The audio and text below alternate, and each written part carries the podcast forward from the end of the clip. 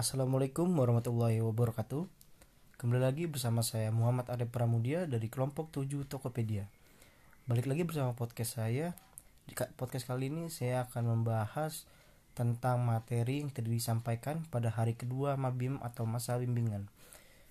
Mabim tadi Materinya adalah Khairunisa SPD dengan judul materi motivasi dan strategi belajar.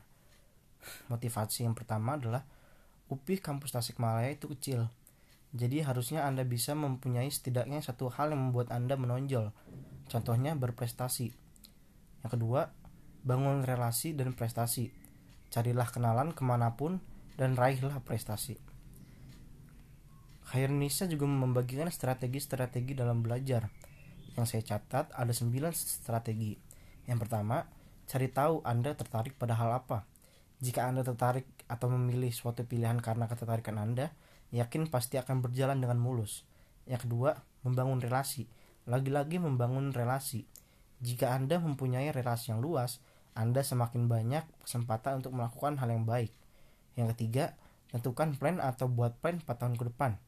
Jika kita punya punya jika jika ketika kita lupa dan capek, ada yang harus kita ingat dan jadi semangat baru.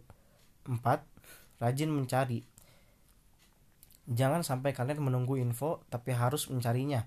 Entah itu mencari info lomba, seminar, diskusi, dan lain-lain.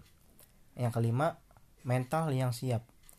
Kita harus percaya diri dan buang rasa malu dalam menjalankan hal apa pun.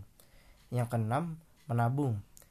Seperti yang kita tahu, semua hal butuh uang. Kita harus mengumpulkan uang karena untuk lomba dan seminar membutuhkan uang. Belajar yang ketujuh, belajar berbicara di depan umum. Kemampuan berbicara di depan umum adalah hal yang sulit, jadi kita harus belajar sejak dini. Yang kelapan, jangan membatasi diri sendiri. Yang terakhir, yang kesembilan adalah lakukan yang terbaik jika sudah ada kesempatan. Sekian materi yang saya rangkum. Kurang lebih ya mohon maaf. Wassalamualaikum warahmatullahi wabarakatuh.